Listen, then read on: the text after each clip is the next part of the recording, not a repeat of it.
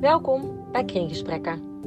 In deze podcast gaan we in gesprek met leden en contacten van de Kring, de Nederlandse Business Club Barcelona. Nu we het voorlopig moeten doen zonder maandelijkse events, hopen we op deze manier toch een beetje verbonden te blijven, ervaringen te delen en te inspireren. Leuk dat je luistert naar alweer de derde aflevering van Kringgesprekken. Vandaag gaan we het hebben over retail en e-commerce. En ik ben benieuwd hoe ondernemers in deze sector de huidige tijd beleven. Dat ga ik vragen aan Sander van Zutphen, Ernst Veldhuizen en Bibi Chong.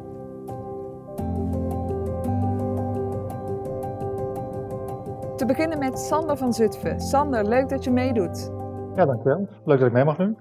Uh, voor degenen die het niet weten, zou je even in het kort kunnen vertellen wie je bent en wat je doet? Ja, mijn naam is dus Sander van Zutphen. Ik woon sinds 2005 in Spanje. Heel even Zuid-Spanje gewoond en sindsdien in, uh, in centrum Barcelona. En vorig jaar verhuisd naar de Maresme-kust, waar ik uh, op dit moment erg blij mee ben. Want met twee kinderen is het toch een stuk prettiger om, om een tuin te hebben dan in het appartement in Barcelona Centrum. dus dat was net tijd. Um, ik ben sinds 2005 actief op het gebied van e-commerce en online marketing.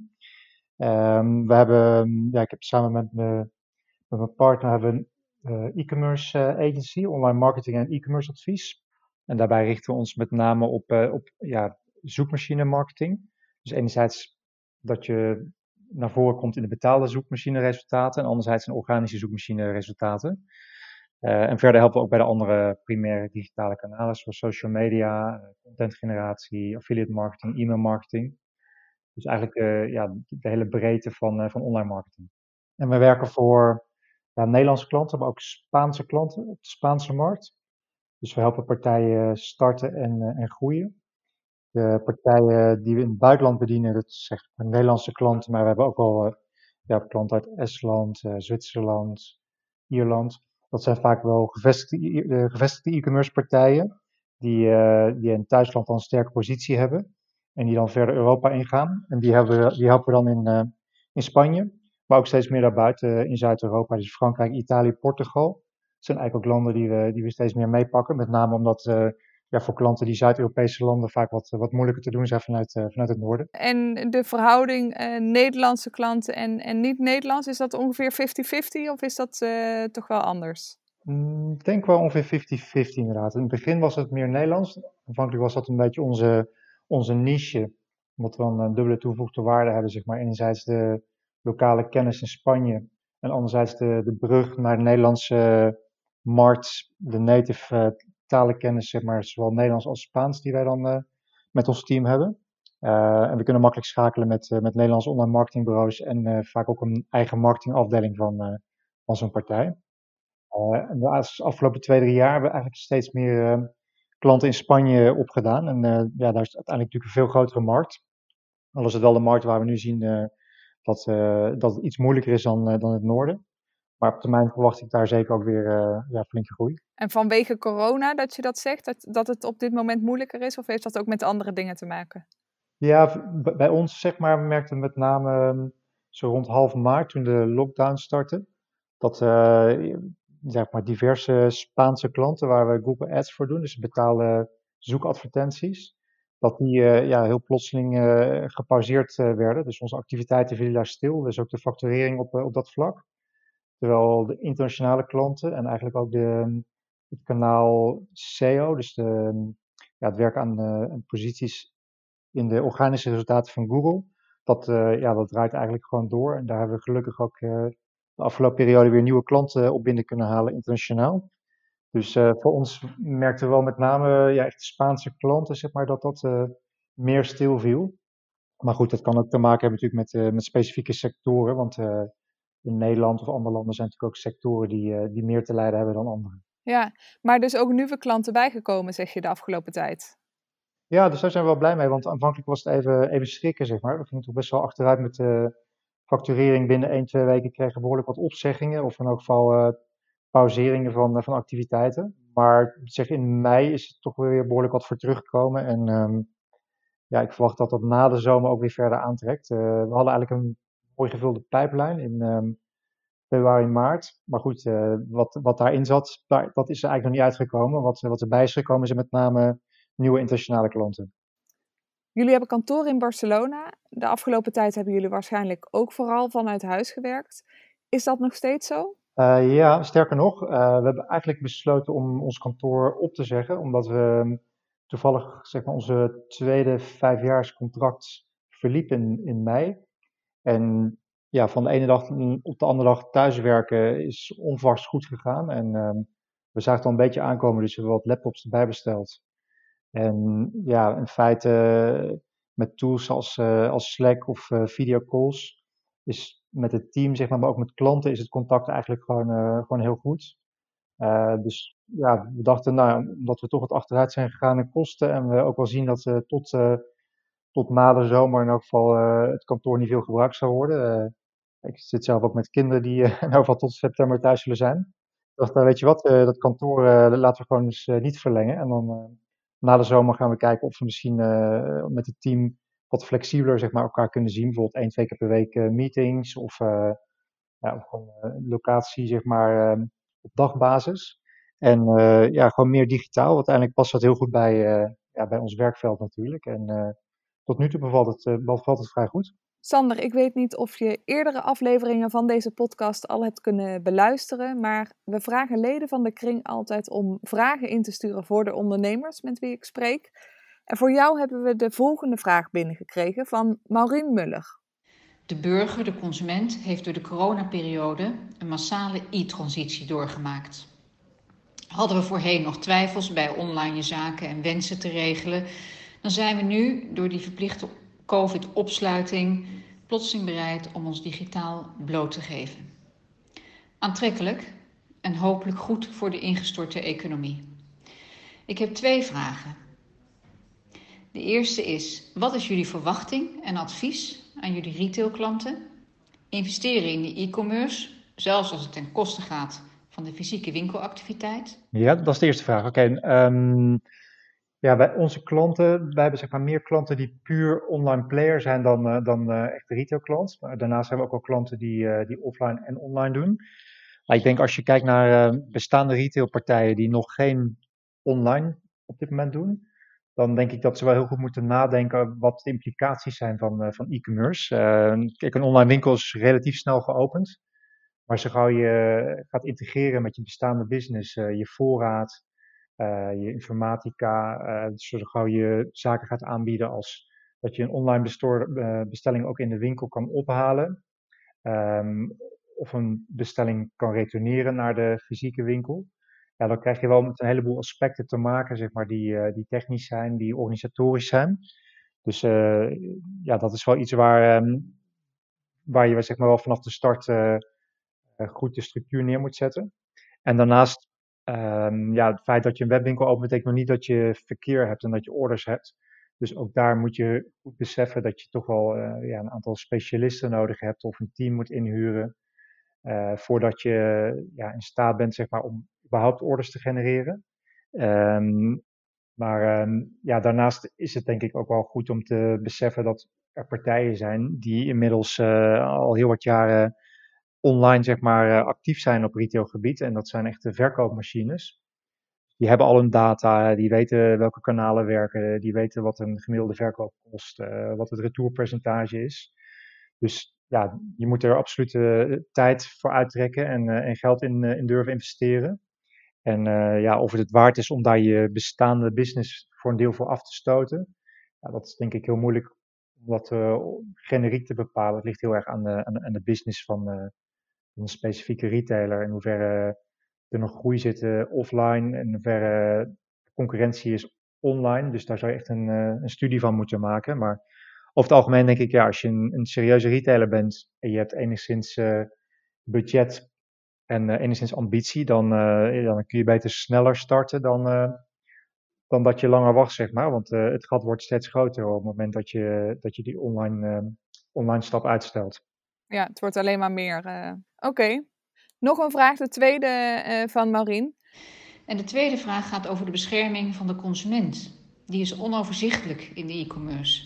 Er is zowel sprake van overbescherming als onderbescherming.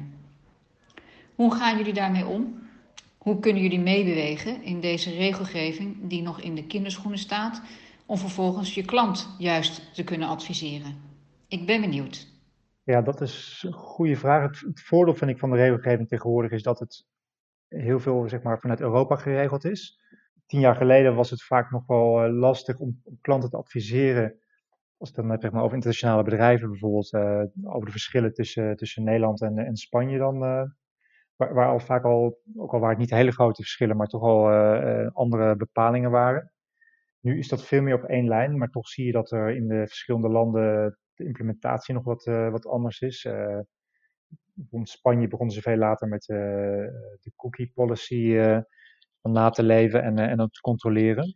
Ja, daarnaast in hoeverre de wetgeving onderbeschermd of overbeschermd, dat is op een bepaalde manier lastig. Kijk, ik, ik, kan het vanuit beide kanten bekijken. Soms zijn er ook bepalingen die zo ingewikkeld zijn voor, um, voor webwinkels, dat het in de praktijk ook heel moeilijk is om daaraan te voldoen, zeg maar. Terwijl voor de consument die regels misschien wel weer logisch zijn. Um, ja, als je bijvoorbeeld in één land verkoopt en je moet dan ook verplicht in andere landen gaan verkopen, bijvoorbeeld, zijn bepaalde, bepaalde regels die voor webwinkel heel moeilijk maken om, om gewoon even een markt te testen. Je moet dan gelijk alle, alle regels uh, naleven, zorgen dat je je retouren op orde zijn. En daar zullen ook wel wat verschillen in zitten. Bijvoorbeeld in Duitsland heb je weer bepaalde teksten die op je knoppen, op je buttons van je shop moeten zitten.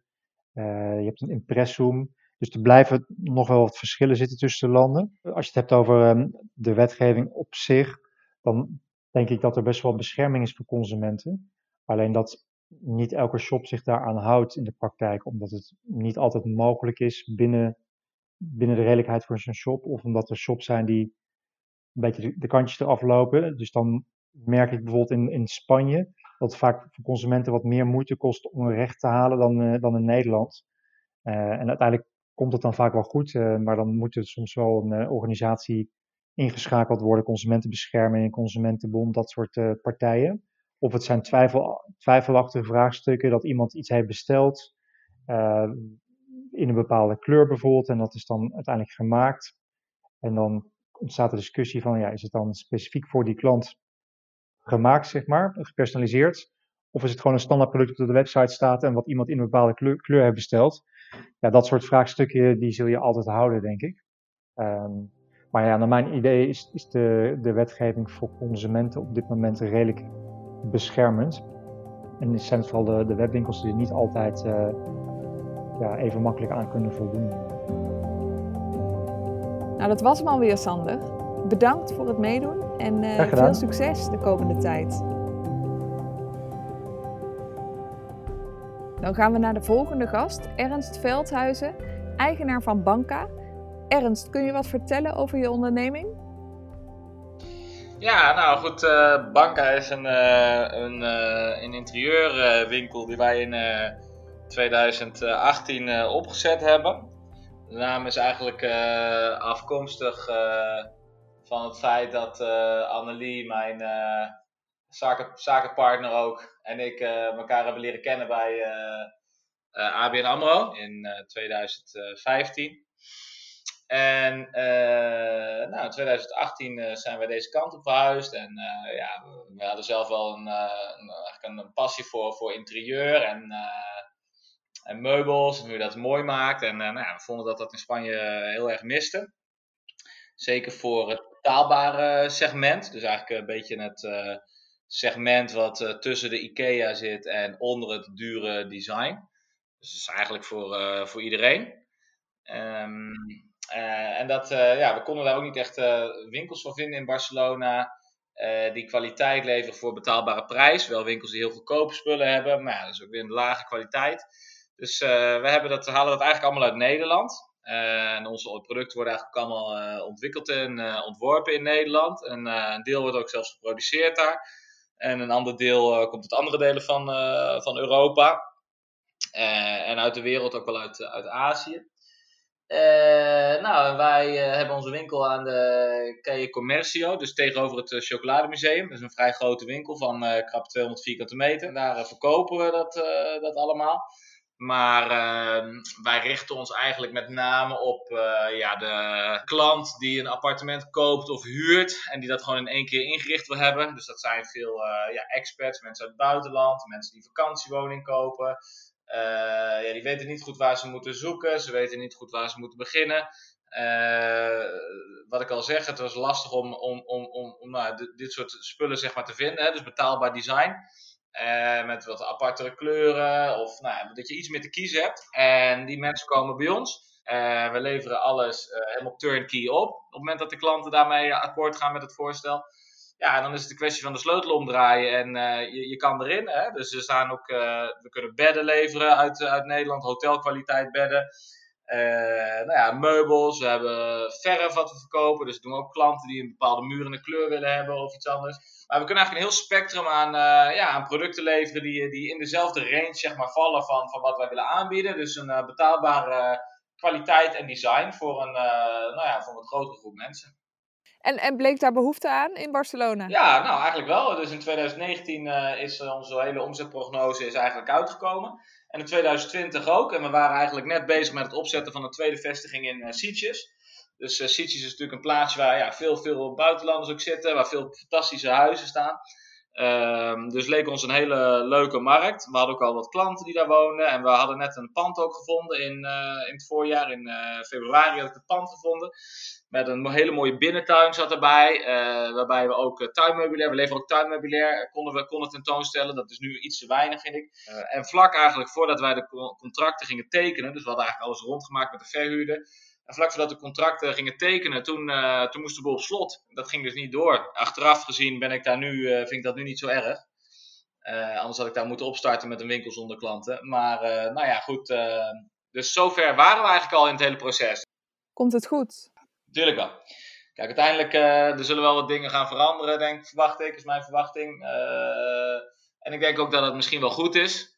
Want als je zag hoe de afgelopen jaren alles steeds nou, natuurlijk het reizen steeds goedkoper werd. Hè, maar het verblijven hier steeds duurder. En uh, ja, echt een, uh, aan alle kanten is, uh, of van de straat natuurlijk gespuiten de makelaars, kantoren uit de grond. hotels, Airbnb, allemaal dat soort dingen. De stad wordt ook wel een beetje echt overspoeld met nou, natuurlijk goedkoop toerisme.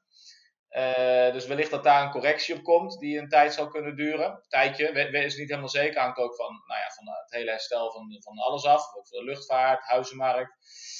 Uh, dus dat, uh, maar dat er herstel zou komen, dat is natuurlijk, ja, daar twijfel ik verder niet aan. Hey, um, goed nieuws denk ik. Jullie zijn sinds vandaag weer open. Is dat een opluchting of ook wel spannend? Nou, dat is eigenlijk heel erg leuk, want we hebben op zich hebben we wel wat, uh, wat business gedaan, ook tijdens de tijd dat we gesloten waren. Het was allemaal niet uh, zoals het eerst was, dus dat, uh, nou ja, dat is natuurlijk jammer. Maar ja, toch zijn er wel wat dingen geweest. Mensen zijn natuurlijk ook wat meer binnen. Hè, dus we hebben een toename gezien van de orders van ja, losse spullen. Hè, dus dan moeten we een tafeltje opsturen of een bank of nou ja, dat soort zaken. Maar onze, onze core business, eigenlijk waar het echt om gaat, is dat we steeds hele appartementen pakken. En uh, daar hebben we wel een afname in gezien, hè, omdat er ook uh, op de huizenmarkt geen transacties uh, bijna ja. plaatsvonden. nou ja, en dat, ja, dat is iets wat ons natuurlijk ook wel geraakt heeft. Dus ik ben in die zin wel blij dat dat nu weer gaat opstarten, ja.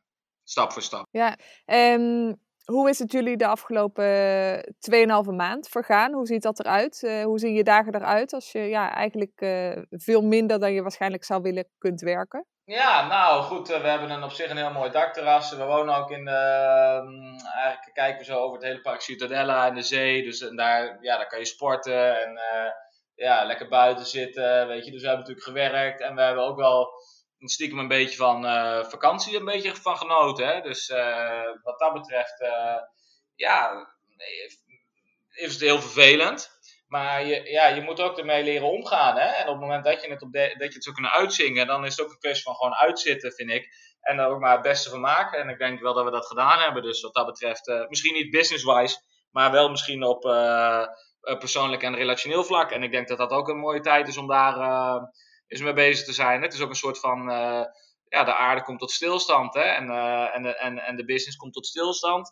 En mensen komen tot stilstand. En je ziet ook dat mensen misschien eens wat dichter tot elkaar kunnen komen op deze manier. En dat is op zich een hele unieke gebeurtenis. Dus dan zou je dat ook op die manier kunnen omarmen. Op welke manier hebben jullie maatregelen moeten en kunnen treffen in de winkel? Ja, ja nou, zoals je zelf wel weet, is natuurlijk heel veel onduidelijkheid steeds rondom veranderende maatregelen. Het verandert zo'n beetje elke half uur. Dus uh, dat is voor ons ook zoeken. Uh, maar wat, wat helder is, is dat uh, natuurlijk het op afstand houden van, van klanten. En het goed wassen van je handen. We hebben desinfecterende gel. We hebben mondkapjes.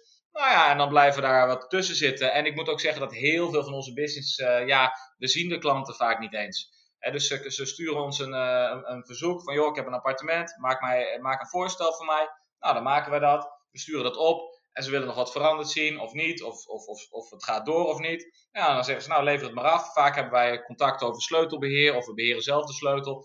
Ja, dus heel vaak zien we de mensen ook niet zelf. Dus fysiek contact is in onze business uh, niet altijd noodzakelijk, zeg maar.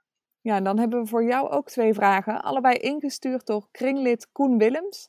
Dit is de eerste. Um, hebben jullie problemen met de levering van artikelen? Um, dat wil zeggen misschien met de productie in het land uh, van herkomst.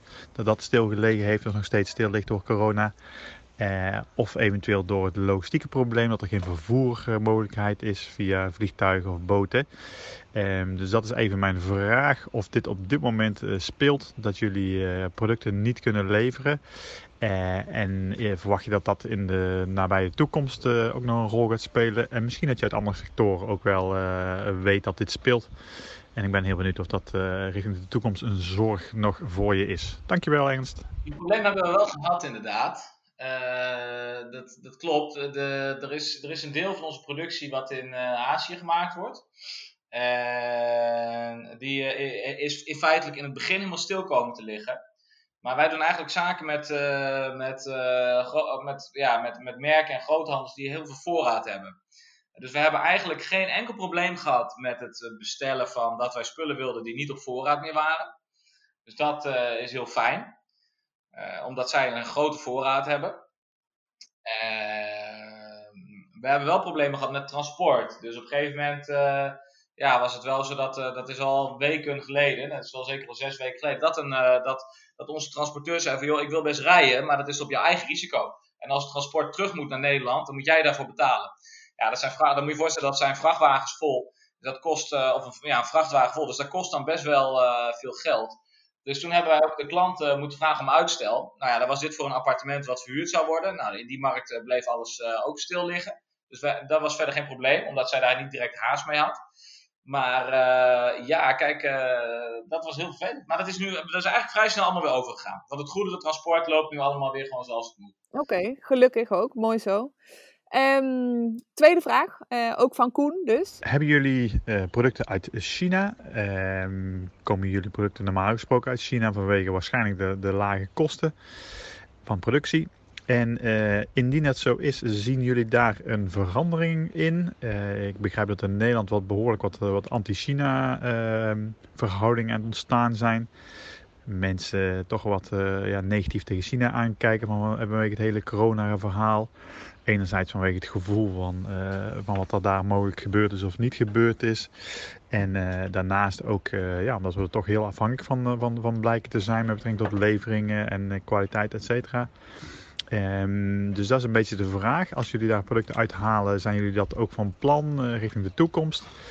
En zie je misschien daar een kentering ook in voor andere bedrijven? Misschien ook een stukje het uh, sociale verhaal, een stukje um, sustainable, dat mensen uh, toch meer in, in Europa willen gaan kopen minder, uh, ja, minder footprint, minder uh, grote lange afstanden.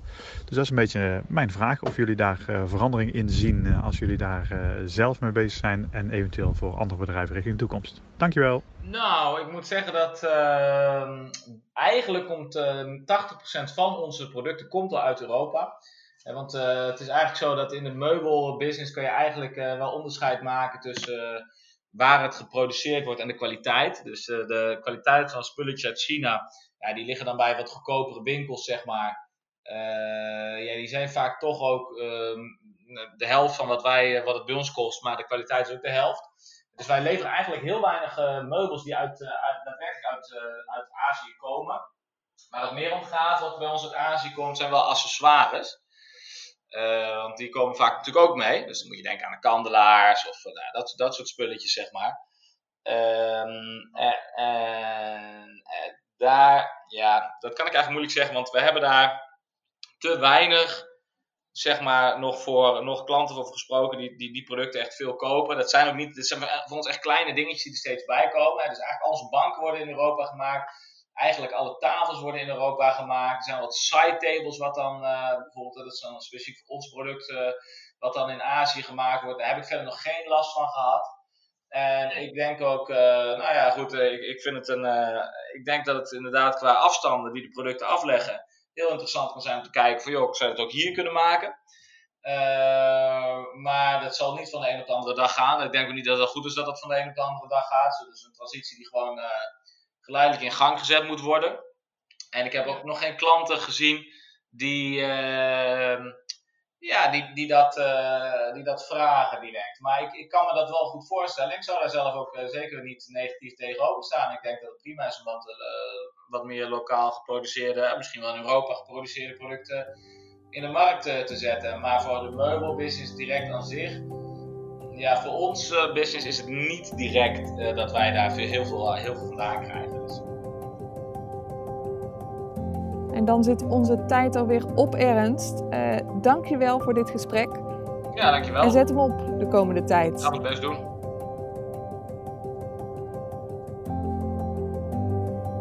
Gast nummer drie vandaag is Bibi Chong. Nou, ik heet uh, Bibi, Bibi Chong. Uh, ik ben in Rotterdam geboren en ik woon nu al sinds 20 jaar in, in Barcelona. En um, ehm, 16 jaar geleden uh, met mijn vriend hebben we samen een bedrijf opgezet en dat heet Olokuti. Olokuti betekent in Maasai um, global, een mundo. Uh, en we hebben dit opgezet omdat we um, dachten dat het een, een, andere manier van consumeren mogelijk is dan dat de meeste mensen nu doen. Het is een concept store waar we eigenlijk lokale producten verkopen, ecologische en fairtrade producten verkopen ja, de afgelopen tijd is natuurlijk voor veel ondernemers best wel pittig geweest. Uh, waarschijnlijk nog steeds en misschien in de toekomst ook nog wel. Hoe is dat voor jullie? Nou, het is, uh, het is een beetje chaotisch, omdat uh, we krijgen alles last minute zeg maar, te horen wanneer wat er gebeurt. dus het is echt Spanje weer. Morgen is dit en dan zit fase half, fase 1, weet ik het allemaal. Um, we zijn nu begonnen, zeg maar, de winkels zijn open sinds deze week. En uh, we zijn met z'n twintigen. We hebben nu dus uh, um, zeg maar de helft van de staf die uh, productief is. En hopelijk kunnen we binnenkort um, ja, iedereen weer terug aannemen. Het is, we hebben drie winkels. En we hebben um, een tweede winkel die ook in Gratie zit. Dat heet Olokuti Petits. Met hetzelfde concept. alleen voor kinderen van, van 0 tot 14 jaar. en die, die is ook open nu. Alleen de enige winkel, die, de derde winkel die in het centrum zit in, uh, in Gotico. Die is gesloten nog, omdat we denken dat het nog, ja, nog even gaat duren voordat er wat, uh, wat gaat gebeuren daar. Is die derde winkel vooral gericht op toeristen dan?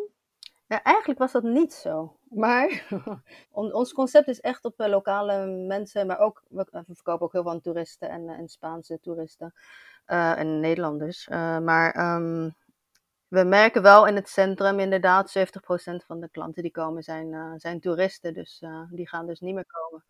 Maar we hopen dat waarschijnlijk misschien wel uh, lokale toeristen komen. Veel Spanjaarden, veel inwoners van Barcelona ook, zijn natuurlijk geraakt door uh, de hele coronacrisis. Zien inkomsten verdampen, zijn misschien wat voorzichtiger met geld uitgeven. Merken jullie dat ook?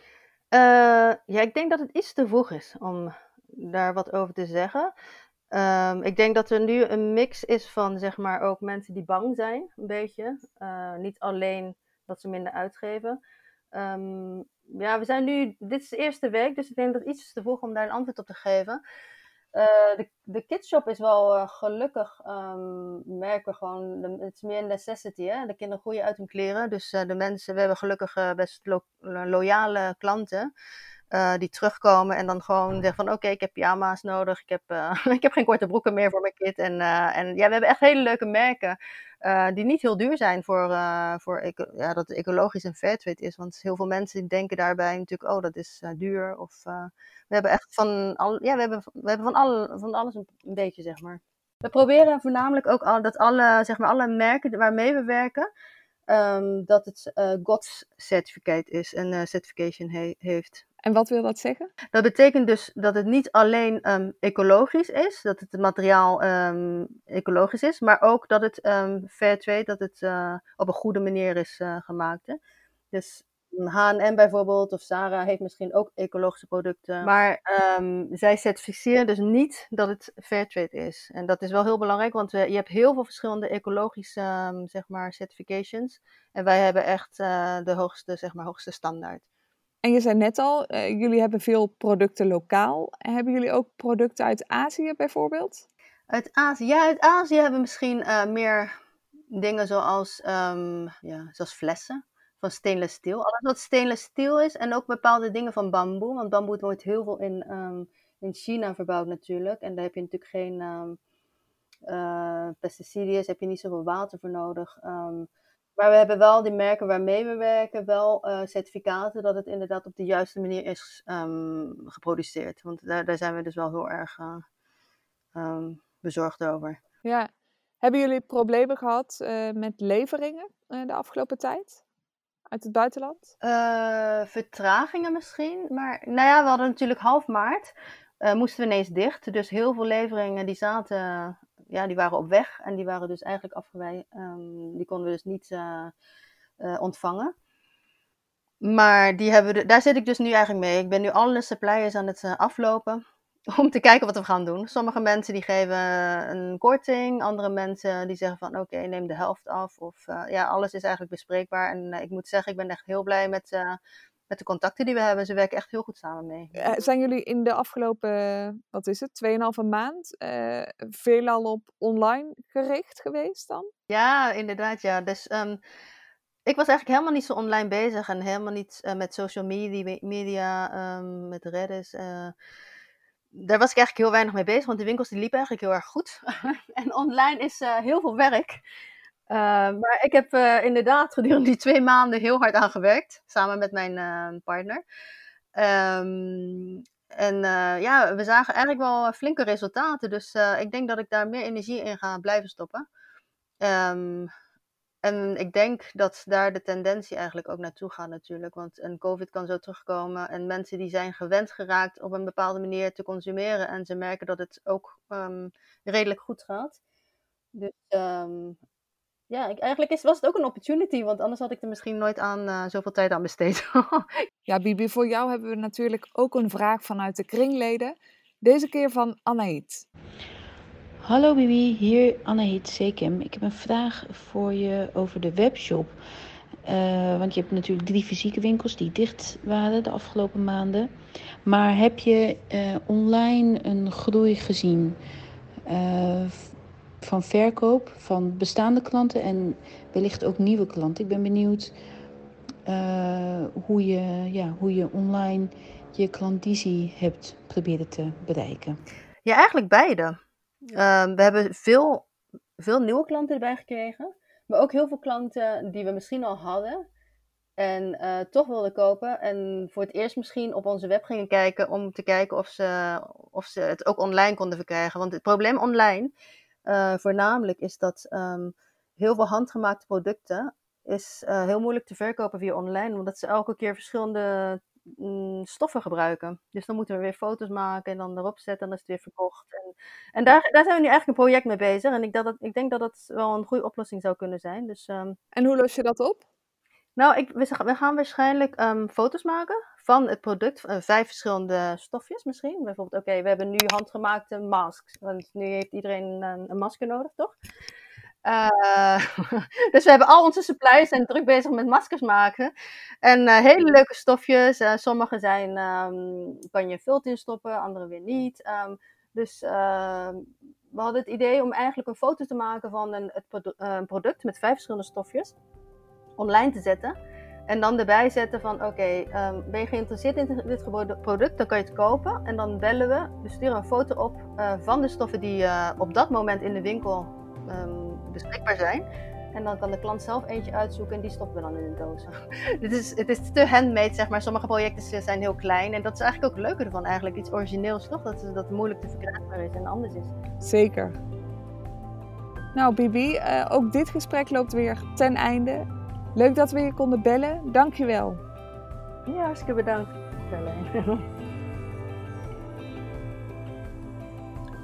En daarmee ga ik ook deze aflevering afsluiten.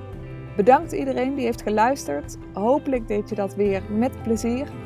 Over twee weken kun je de volgende horen. Uh, dan is het thema sport en entertainment. Vaste luisteraars weten het inmiddels. Lotte of Anaïd, laat jullie weten wie de gasten zullen zijn. En uh, ja, we zouden het heel leuk vinden als je ook een vraag instuurt. Graag tot dan. Deze podcast werd mede mogelijk gemaakt door de sponsoren van de Kring. Euroeconomics, freelancecra.com, Talent Search People, Sembrere Advocaten, IFAR, IESSE, Naranja Tech, Rabobank, Interaction, Citytrip Barcelona en EY. Wil je meer weten over de kring? Kijk dan ook eens op onze website www.dekring.org.